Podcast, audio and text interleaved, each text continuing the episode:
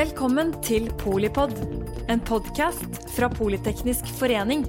Et kunnskapsbasert medlemsnettverk for bærekraftig teknologi og samfunnsutvikling. Hjertelig velkomne til alle lyttere av eh, Polipod. I dag skal vi snakke om eh, video på helse. Og alle vet jo at uh, video det er uh, til glede for enten du ser på komedie eller du ser på tragedie eller thriller. Men i dag så skal vi snakke om den praktiske og, og mer profesjonelle bruken av videokonsultasjon i helsesektoren vår. I dag så har vi i studio med oss um, Cecilie Bergrav Løken, som er direktør for teknologi i Vestre Viken helseforetak. Uh, hun skal selv fortelle litt mer om hva det innebærer. Uh, og så har vi med oss Janne Herald Dugstad, som da er forsker og daglig leder av forskningssenteret Vitensenteret ved Universitetet i Sørøst-Norge. Kan dere eh, fortelle meg litt hva, hva er det viktigste med videokonsultasjon, og hvordan kom du inn i det, Janne? Ja, jeg har uh, kommet akkurat inn i videokonsultasjon har jeg kommet uh, den siste uken, nei, den siste måneden kanskje. Fordi at jeg jobber i et forskningssenter da, som jobber med helse innovasjon, og som eh, så at her var det eh, bruk for at noen tok litt tak. Så, så, vi har snudd oss rundt sammen med et sånt partnerskap som vi har eh, i vår region, da, hvor også Vestre Viken er med. Og Norway Healthtech er med f.eks. Og så har vi rigga en del webinarer for forskjellige yrkesgrupper som jobber med videokonsultasjon. Så det, inn i videokonsultasjon så er det eh, min vei inn, da. Ellers så har vi jo brukt uh, eh, jobba med det over lang tid. Uh, så vidt, ikke sant. med konsultasjoner mellom uh, sykehus og kommunehelsetjeneste, videokonsultasjoner mellom ulike kommuner og, og, deres pasientgrupper. Men det har jo vært et ganske langsomt arbeid helt til covid-19 kom. Uh, og da tok det helt av. Ja, det merker jo vi også i, i Vestre Viken. Vi har jo pekte ut videokonsultasjoner som et satsingsområde fra før av. Så allerede i 2019 så etablerte vi et uh, sånt program hvor uh, video var ett av tre områder som, som, var viktig for oss.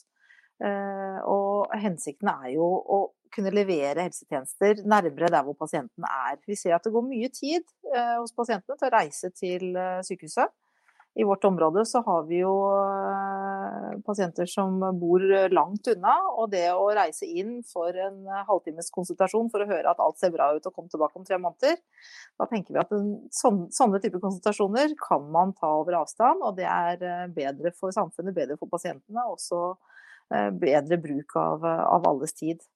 Så, men det er sånn som Janne sier, dette tok jo virkelig av nå i forbindelse med, med covid-19. Og, og det, det, som endret seg da, var vel kanskje at behovet ble veldig mye tydeligere, og, og etterspørselen veldig mye større. Så innenfor f.eks. innenfor psykisk helsevern og rus i eh, Vestre Viken, så hadde vi i midten av mars eh, ikke videokonsultasjoner overhodet. Eh, og nå er vi på over 600 konsultasjoner i uka, og det øker eh, hver uke, det tallet. Så det er utrolig morsomt hva de har fått til der. Og nå er vi også i gang innenfor de somatiske eh, klinikkene. Men er spesielt innenfor psykisk helsevern og rus har vi hatt en kjempeutvikling de siste ukene. På så kort tid så må jo noe ha vært klart på forhånd. Men kan dere forklare litt hva så før vi hører litt mer om eh, mulighetene og, og hvordan det foregår, hvordan, hvordan, skjer det rent sånn eh, teknisk? Hva, hvordan fungerer en, eh, en, videokonsultasjon sett fra liksom deres side som skal sørge for at pasientene får anledning til å komme seg på? Da? Ja, Det er, et veldig godt spørsmål. og det er helt riktig som du sier, at uh, noe måtte være på plass på forhånd. Og det er jo nett, nettopp det spørsmålet hvilken teknisk løsning skulle vi bruke, som kanskje har vært en hovedutfordring og gjort at ting har tatt, uh, tatt lang tid. For det, mange, det, er jo mange ulike løsninger på markedet, men det er ikke alle som er egnet for bruk til konsultasjoner med pasienter. Og vi har vært opptatt av brukervennlighet, vi har vært opptatt av sikkerhet, informasjonssikkerhet. Og så selvfølgelig så må vi jo ha merkantile avtaler og, og, tekniske løsninger som fungerer. Så det vi har endt på nå, er eh, For det første så bruker vi jo vi bruker Skype eh, sånn til administrative møter. Eh, vi venter jo også på Teams, da. Det er jo I mange andre sektorer så bruker man Teams, men vi er fortsatt på Skype. Men det, det, jo, det er til administrativ bruk, for det, har, der har vi ikke de sikkerhetsgodkjenningene som vi trenger for pasient. Så innenfor pasient så vi, har vi valgt å gå for en løsning fra Norsk Helsenett. Eh, og det er en løsning som gjør at eh, man ikke trenger å laste noe ned på sin egen PC, men man går da via en, eh, en webadresse. Sånn at pasientene kan logge seg på enten fra sin PC eller fra sin telefon eller et nettbrett og komme inn. Og så er sikkerheten i dette er viktig. Så her kan den behandleren som, som skal ha konsultasjon med pasient, oppretter det vi kaller for et virtuelt møterom, som på mange måter er som et fysisk møterom. Eh, men hvor det da er avsatt eh, Det er et, et sted hvor, som rett og slett er en lenke som pasienten får tilgang til. Og dette møterommet kan låses, og det har vært veldig viktig for oss, sånn at man blir sluppet inn. Så behandleren slipper inn de som skal inn i dette møterommet. Så man skal ikke kunne se at selv om denne lenken skulle komme på avveie, at hvem som helst kan logge seg på. Eh, og ellers så er det jo, må man ha et webkamera og en eh, mikrofon og et sted eh, hvor det er egnet å sitte. Så er det selvfølgelig innenfor psykisk helsevern og rus, er det også viktig at, at, samtalene foregår i et lokale hvor man har den, den sikkerheten man trenger. Jeg kan kanskje legge litt til fra fra de gruppene som jeg har jobba med, da, som er utenfor uh, helseforetaket. Vi har jobba med fastleger og psykologer bl.a. Hvordan de uh, kan tilrettelegge for videokonsultasjon. Det var en ganske interessant utvikling når Norge stengte ned 12.3. Uh, så fra 16.3 så fikk jo legene nye takster for video. Og i løpet av i en uke da så gikk det fra under altså Man regner at rundt 10% av fastlegene tilbød videokonsultasjon. Og så i løpet av en uke så var de oppe på nesten 90% Så alle tok dette raskt i bruk.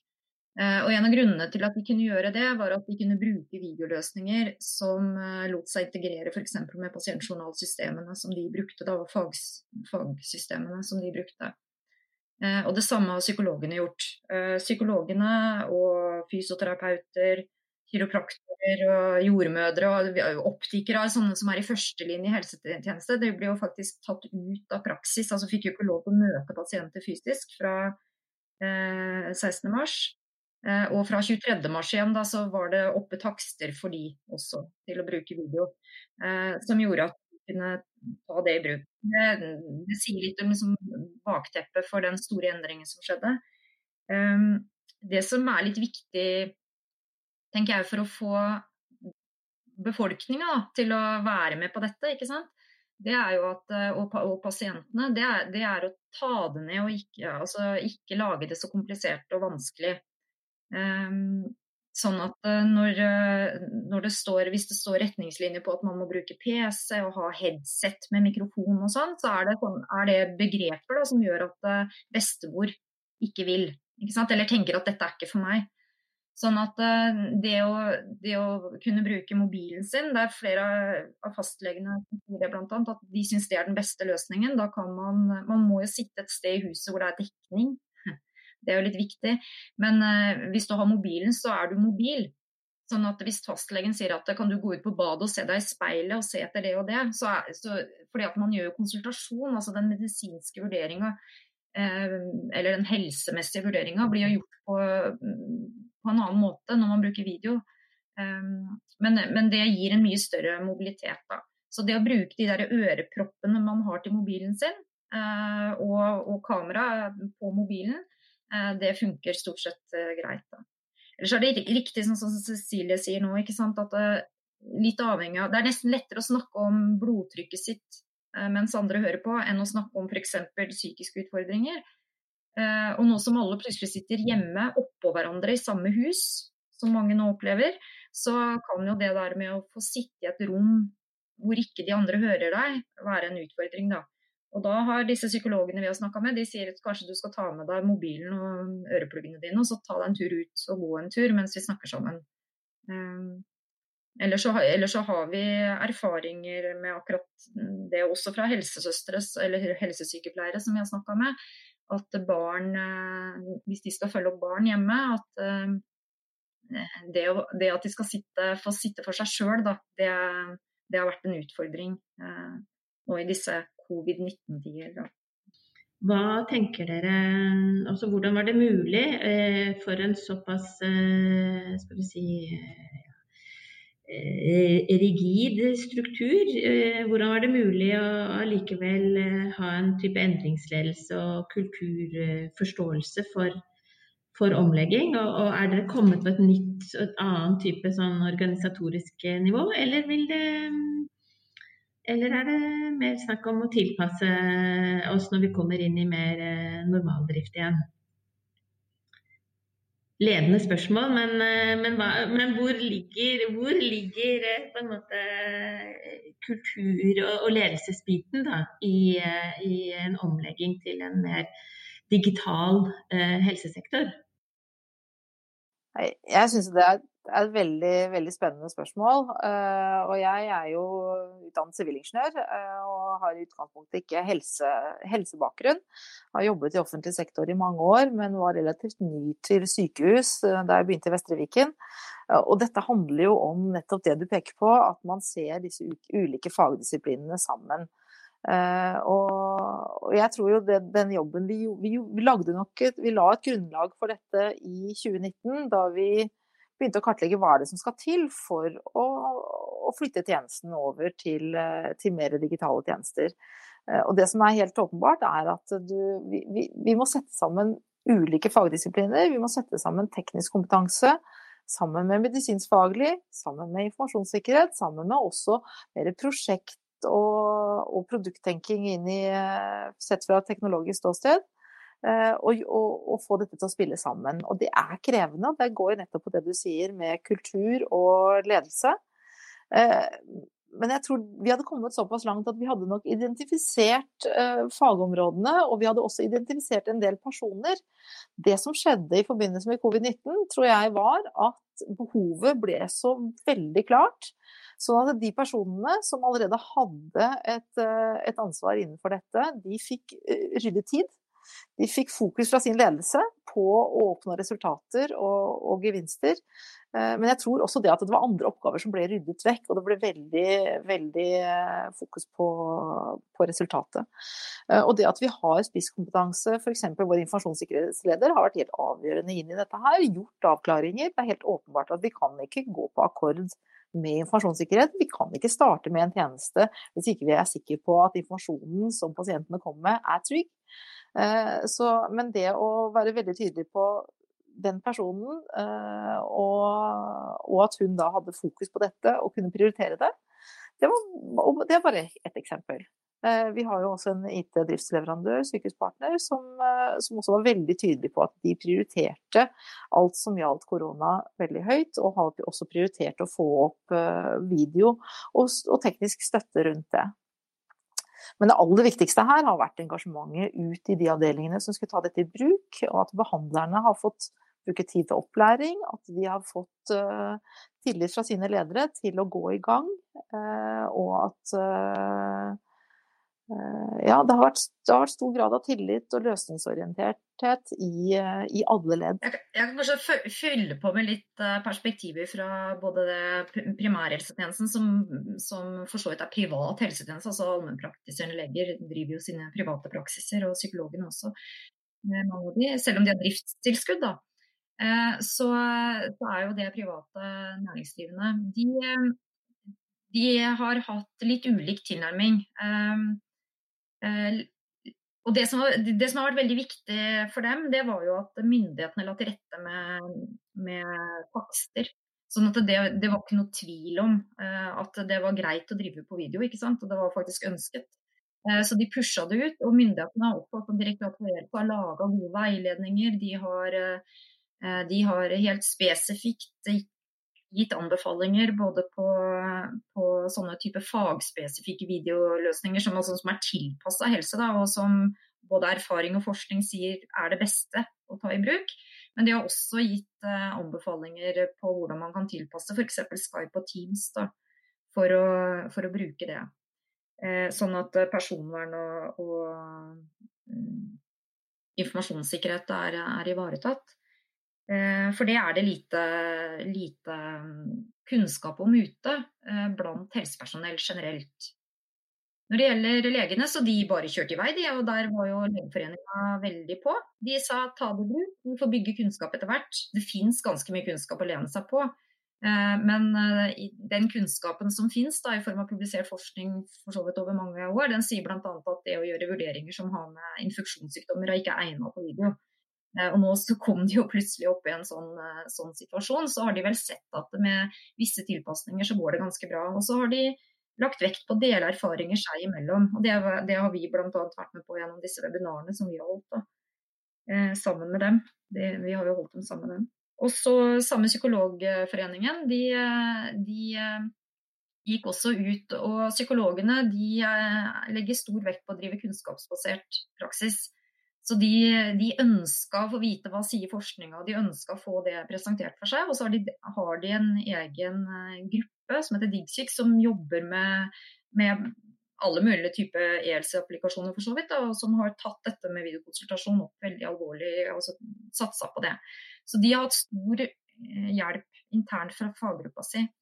Så I de siste par ukene så har jeg jobba med helsesykepleierne, altså de som jobber på helsestasjon og skolehelsetjeneste og helsestasjon for ungdom. og de, eh, Der har det vært mye vanskeligere. Og De var jo en gruppe som jobba i kommunen. Og mange kommuner de valgte å omdisponere helsesykepleierne. Eh, sånn at de ble sendt inn i omsorgssektoren og måtte på opplæring for å være klare for å ta imot covid-19-pasienter. Um, og så ble det jo ganske mye, jeg vet ikke om dere fikk med dere det, men det, det, det, ble jo faktisk altså De gikk jo ut offentlig i media og sa at eh, dette er, eh, vi er svært bekymra. Alle, alle, var jo bekymra for barn og unge, hvordan skal det gå med de? Og så hadde altså kommunene omdisponert helsesykepleierne vekk fra barn og unge.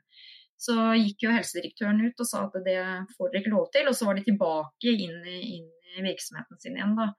Ehm, de, de, er en gruppe som, eh, hvor det finnes mindre forskning å lene seg på. Så det er mindre kunnskap om hvordan de skal jobbe med videokonsultasjon f.eks.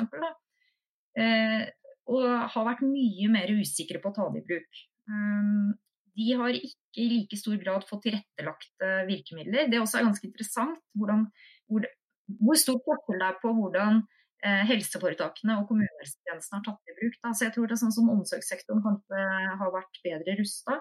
Men, eh, men, helsesykepleierne de har blitt fortalt eh, f.eks. For av IT-tjenesten i kommunen da, hva, hva, som er godt nok for dem.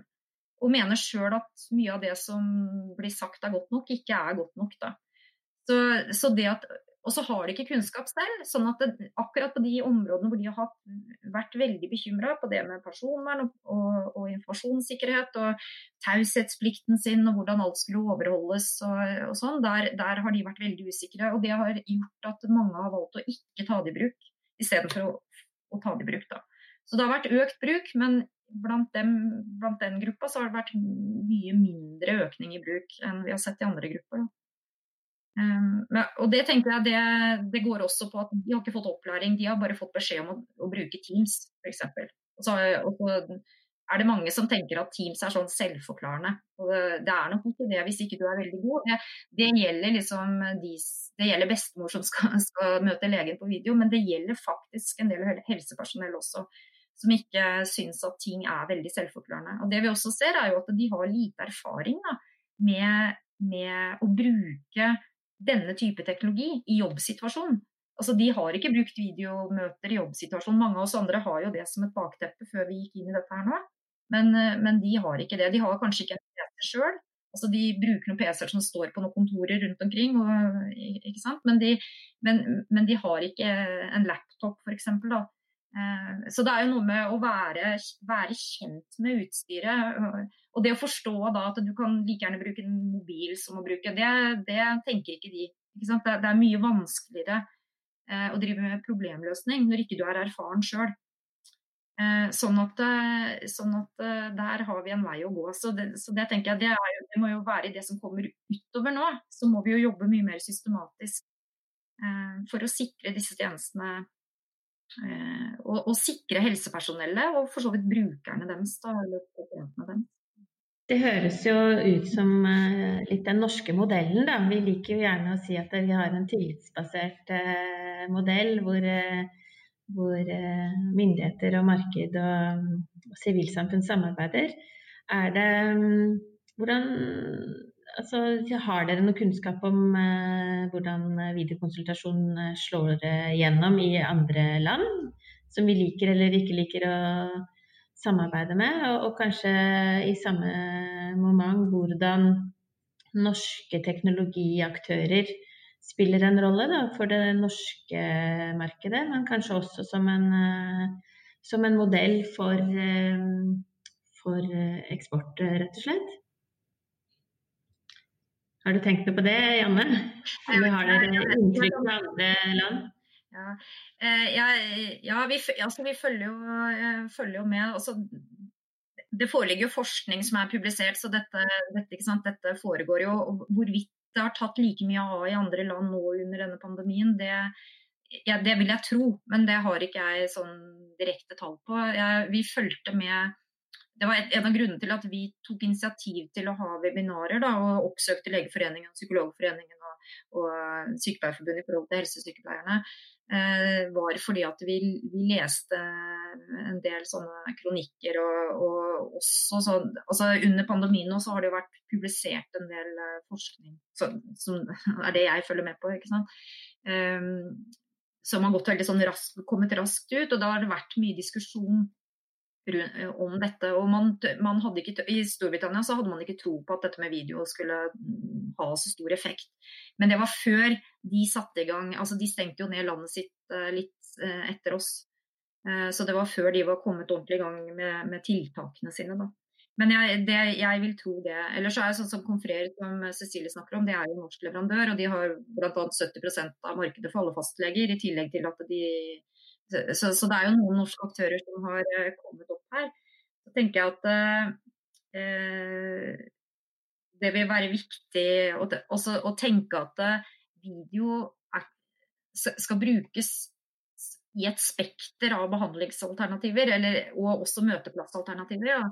Sånn at nå, nå jo, har vi de tradisjonelle helsemøtene hvor vi møtes ansikt til ansikt på, på sykehuset eller på legekontoret eller eh, hos psykologen eller, eller hvor vi går. Men, eh, men, eh, vi tror jo, og de, og de, sier jo det, de erfarne psykologer Vi har snakka med psykologer som har drevet med dette i, i år, som sier at de bruker video, men de bruker også andre ting. De bruker gaming, de bruker en del app grupper. Cecilie snakket i stad om at man kan ha egen registrering. ikke sant?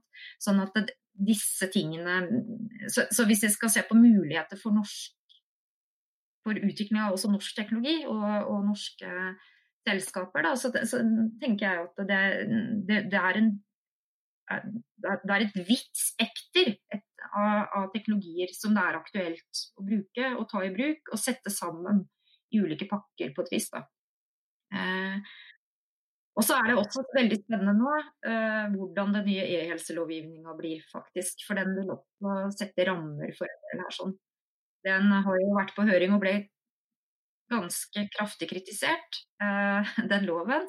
Og så nå skal den gå gjennom eh, vel snart i Stortinget, og den uten at den egentlig er endra i altså, Så mange innspill både fra, fra fagmiljøer og, og bransjeorganisasjoner og, og sånn, da, de, de, er ikke tatt til etterretning, uh, så vidt jeg kan forstå. Og, da, og, det er jo interessant. Men det setter rammer for den videre utviklinga. Ellers er det jo viktig at man, at man jobber systematisk med kunnskapsoppbygging, tenker jeg da. Uh, men det er klart jeg er jo forsker, så det er jo naturlig at jeg sier det. Men det er, er, jo faktisk sånn at vi trenger, vi trenger, å dokumentere effekter og kunnskap, og så trenger vi å dele den kunnskapen Og Det ser vi hvis vi tar en parallell til hvordan velferdsteknologi er tatt i bruk i kommuner. Da. Så, så, har man jo hatt et sånt nasjonalt program, og så har man jobba med en del teknologier. Velferdsteknologiprogrammet kom for øvrig rett over påske nå med en anbefaling på hvordan man kunne ta i bruk video.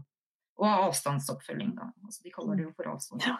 Um, jeg tenker også at um, det, det, er, det, er, masse gode leverandører i Norge. Det har vært mye Det har vært mange gode startups som har, uh, har kommet på banen.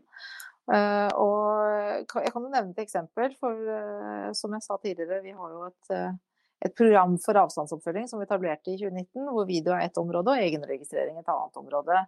Eh, og der kjørte vi et prosjekt i 2019 for egenregistrering av epilepsipasienter. Og vi inngikk en avtale som også gjør det mulig å etablere tilsvarende skjemaer for andre pasientgrupper. Eh, og vi hadde da 10. mars så hadde vi en sak i vår foretaksledelse eh, hvor vi diskuterte hvilket fagområde skal vi nå gå videre med. Og da var det spørsmål om hjerte eller gastro eller Eh, ja, og vi ble enige om å, å gå videre med gastro på Bærum sykehus. Eh, men så, akkurat idet vi var på slutten av det ledermøtet, så sa vår fagdirektør at kan vi bruke dette her til å få de ansatte til å registrere om de er i karantene eller ikke. Fordi at det er et, en utfordring for oss. Når vi har 9500 ansatte, på det tidspunktet så hadde vi Det, det var jo Vi hadde ikke så mange i karantene da, men dette var altså 10. mars. Eh, og så skjedde jo ting etterpå, så, så, vi snudde oss rett og slett rundt eh, og brukte den leverandøren som vi da hadde avtale med for egenregistrering. Og i løpet av to uker så hadde vi oppe en, eh, en egen løsning for egenregistrering for ansatte.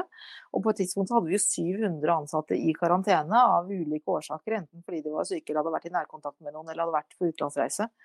Utenlandsreise er jo nå mye lavere. Nå er vi jo ned i eh, ganske få i karantene. Jeg tror vi er faktisk på, på under ti. Men, eh, men det tallet har jo fluktuert, og det er jo tall som vi har rapportert daglig. Og det å kunne bruke en, en norsk leverandør, som er i dette tilfellet Checkwave, som, som, snudde seg rundt sammen med oss og fikk opp den løsningen på, på, to uker, det var veldig morsomt og veldig, veldig viktig for oss. Dette høres jo litt annerledes ut enn det som eh, har skjedd i utdanningssektoren. I forhold til både lokal innovasjon og, og norske løsninger. og så det er, det er, veldig spennende. Eh, er det sånn at jeg som pasient kan invitere en hvilken som helst lege hjem til meg fra hvilket som helst eh, eh sykehus i et hvilket som helst land?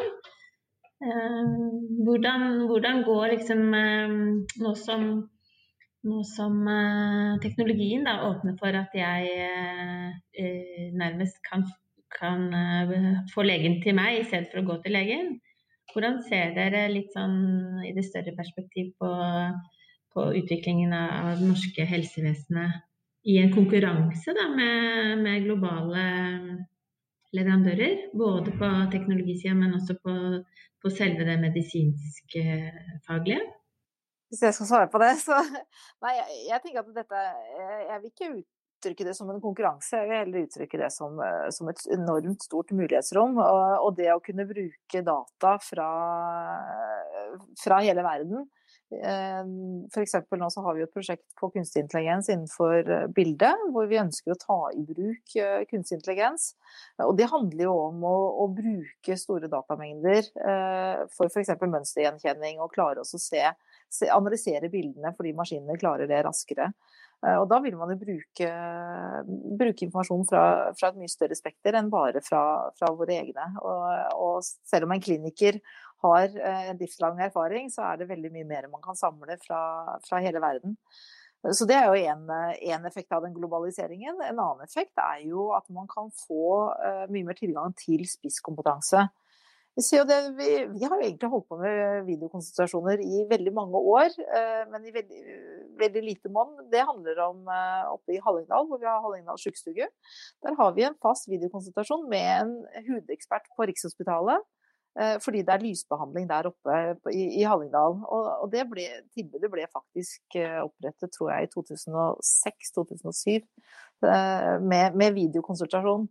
Men vi ser jo det bare i mye større mån, at, at spesialistene kan få, få komme ut i mye større omfang eh, enn om eh, spesialisten måtte reise ut selv. Og det kan man jo tenke seg også at kan være overførbart at hvis det er noe, en, en, veldig sjelden sykdom, og at spesialisten ikke er i Norge, men at man likevel kan få til en, en konsultasjon. Så det her åpner for eh, mange spennende muligheter. Så, sånn jobber vi jo i dag, og vi har jo felles prosjekt også, Cecilie, mellom uh, vårt fagmiljø og, og, ditt fagmiljø og en kommune, ikke sant? hvor vi hvor sykepleiere får hjelp av en spesialist uh, ute i kommunehelsetjenesten. Uh, og det, det, tenker jeg at tilgangen på Og telemedisin har jo vært i i mange år. Eh, så det, så det, er jo en mulighet. Men jeg tror det der med det utenlandske, altså det å hente inn utenlandske spesialister eller å kjøpe helsetjenester ute, det er jo en del sånn eh, Helseturisme fins jo også, ikke sant. Eh, det er jo det er en begrensning på betalingsviljen da, og betalingsevne. Så lenge helsetjenesten i Norge er gratis, eller til dels gratis i hvert fall, så, så er det klart at det å kjøpe spesialistkompetanse privat er jo mye dyrere. Selv om det sikkert er billigere å gjøre det over nett enn å, enn å reise et sted. Men det, det, vil jo også være en begrensning i, i dette at noen, noen, ganger så må man jo faktisk ta på hverandre altså, Vi driver jo med fysiske undersøkelser også. Og det er jo ikke alt som bare kan gjøres på distanse med egenmålinger og sånn. Så, så, en del av disse mer spesialiserte tjenestene de krever vel kanskje at man fysisk møtes. da. Så, så det, det, er jo, det, er jo, noen begrensninger i det. Det er jo ikke sånn at alt kan skje over video. Eh, får vi se om, det blir sånn etter hvert at vi kan ta på hverandre via internett. ikke sant? At med, det jo, Telenor sier jo det når 5G kommer nå og sånn. ikke sant? At de, nå kan man operere og liksom kjenne motstand og sånn. fordi at det, Sånn at eh, det, det, får vi jo se på hvordan, hvordan det utvikler seg eh, over tid. Men det er mange muligheter, da. Også, jeg tenker jo også det at det, akkurat den der som du sier, hvor man kombinerer helsepersonell fra ulike nivåer. og Det er jo også det vi ser i det programmet for medisinsk avstandsoppfølging. at eh, Ofte så snakker man om hjemmebehandling, men eh, når vi sitter med spesialistkompetansen, så er det ikke alltid at vi kan levere den til et hjem, men vi kan kanskje levere den f.eks. til et fastlegekontor eller til en helsesøster, hvis det er helsepersonell i den andre enden. Men det behøver ikke være spesialistkompetansen.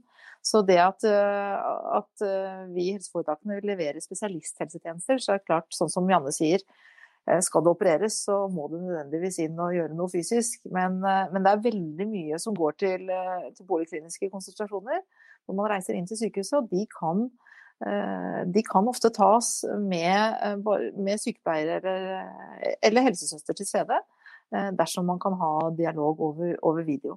Men det eksempelet som jeg tok da med, mellom Rikshospitalet og Hallingdal, der handler det jo om uh, hud. Og, og der, uh, der, ber jo gjerne spesialisten uh, sykepleieren som er til stede, om å kjenne på huden og beskrive hvordan den kjennes ut.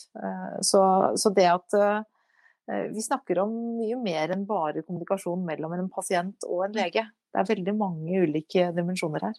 Også, det er en veldig fin mulighet også med å samle mange. Altså mange travle mennesker ofte, da. ikke sant?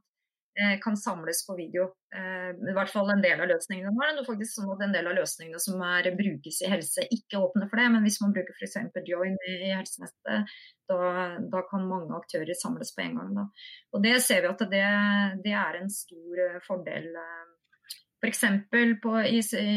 rundt skolebarn eller barn da, med sånne ansvarsgrupper og, og sånn, hvor det er lege og barnevern og skole og kanskje mange aktører inne på en gang så, så har video åpna opp for veldig Altså mye større tilgjengelighet. Da. Og det er bra. Det høres jo definitivt ut som eh, et felt som også eh, er verdt å studere, eh, og, et felt som i rivende utvikling. Vil det være Hva gjør man hvis man vil bli på en måte jobbe med videokonsultasjon i, og, og, skal uh, søke studieplass uh, nå til høsten? Da søker man på den utdanninga som heter digitalisering og innovasjon i helse- og velferdstjenester, som uh, går hos oss. Nettopp. ja, nei, vi har, en, vi har, en, masterutdanning. Vi har fått studieplasser øremerka fra departementet faktisk til den, den utdanninga. Så basert på den det arbeidet vi har gjort i Drammensregionen over tid, da det ble lagt merke til, så ga de oss eh, studieplasser for å omsette kunnskap og erfaring i, i, i utdanning. Men det er en masterutdanning, da, så det krever jo at du har en bachelorutdanning fra før. Det er klart at det, dette med digitalisering og, og teknologibruk, det, det, kommer jo inn Alle helseutdanningene får nye rammeplaner nå, så det, det, kom, det, er jo tatt inn der. Vi jobber jo med det. sånn at uh, blir du sykepleier ikke sant, eller noe sånt, så, så får du også mer utdanning på dette feltet etter hvert. da.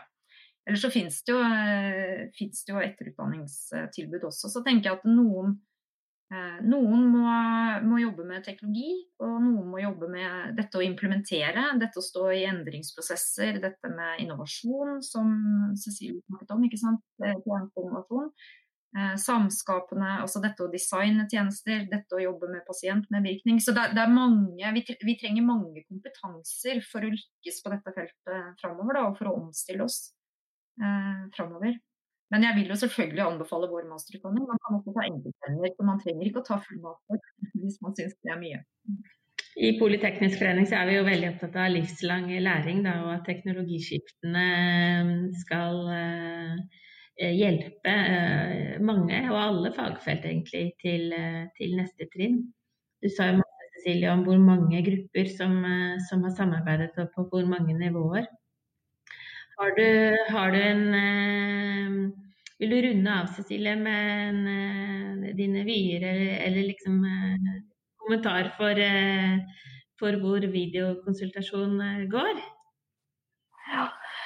Ja. Jeg vil jo ta det enda, enda, større med hele digitaliseringsområdet. For det er klart, eh, dette er starten. Og det å få en sånn eh, kickstart egentlig som, eh, som denne covid-19-situasjonen har vært, det tror jeg er, er kjempebra. Og så er det viktig at vi klarer å, å, holde det videre. Og så er det også noen, noen ganger det er mer spennende å holde på med prosjekter enn å sørge for at det blir forvaltet og driftet etterpå. Men det er en del av det. Og, og vi må, må passe på at vi også og så ha med oss det. Men jeg har lyst til å bare understreke det som Janne sa i stad, med at man trenger utrolig mange forskjellige disipliner her. Og det som jeg tenker de som skal enten ta en utdannelse eller tenke på å fylle på, så er det jo å gjøre det som engasjerer, og det man syns er gøy. For det, det, er, det er kjempeviktig å ha et, et ordentlig engasjement for det man gjør. Og, vi trenger mange disipliner, og vi trenger spesialister på informasjonssikkerhet. Vi trenger tekniske spesialister, eh, og vi trenger eh, helsefagarbeidere, vi trenger sykepleiere. Vi trenger eh, de som virkelig kan et, kan et fag. Eh, og så må man eh, være åpne for de andre fagene og både respektere spesialistene på de områdene, men også å, å sette seg inn i hva det faktisk er. For det, det handler veldig mye om samarbeid. Det handler om, eh, om respekt for, for, oppgaven og for de ulike fagmiljøene. Og det handler om å gi rom for å få opp de gode løsningene. Og, ja, så denne situasjonen har bare vist hva vi kan få til, og vi kan få til veldig, veldig mye mer. Dette er jo musikk i våre ører. Eh, optimisme, kunnskap, eh, inspirasjon, overblikk. Eh, tusen takk til både Cecilie Løken og Janne Herald Dugstad. Cecilie fra mm, Vestre Viken helseforetak, teknisk direktør der. Og Janne Dugstad fra Vitensenteret ved mm, Sørøst-Norge Hva heter det? Universitetet i Sørøst-Norge, USN leder av Vitensenteret. Det heter seg at uh, 'Video kill the radio star'. Men uh, jeg vil egentlig si at i dag så har uh, podkast i form av radio tatt innersvingen på selve temaet videokonsultasjon. Takk for at du lyttet til Polipod. og Hjertelig velkommen tilbake i en oppfølging av hvordan eh, helsesektoren og, og digitalisering utvikler seg gjennom uh, året og, og inn i, på neste nivå. Takk for at du lyttet til Polipod fra Politeknisk forening. Få med deg flere episoder, eller bli med på nettverksmøtene som du finner på at polyteknisk.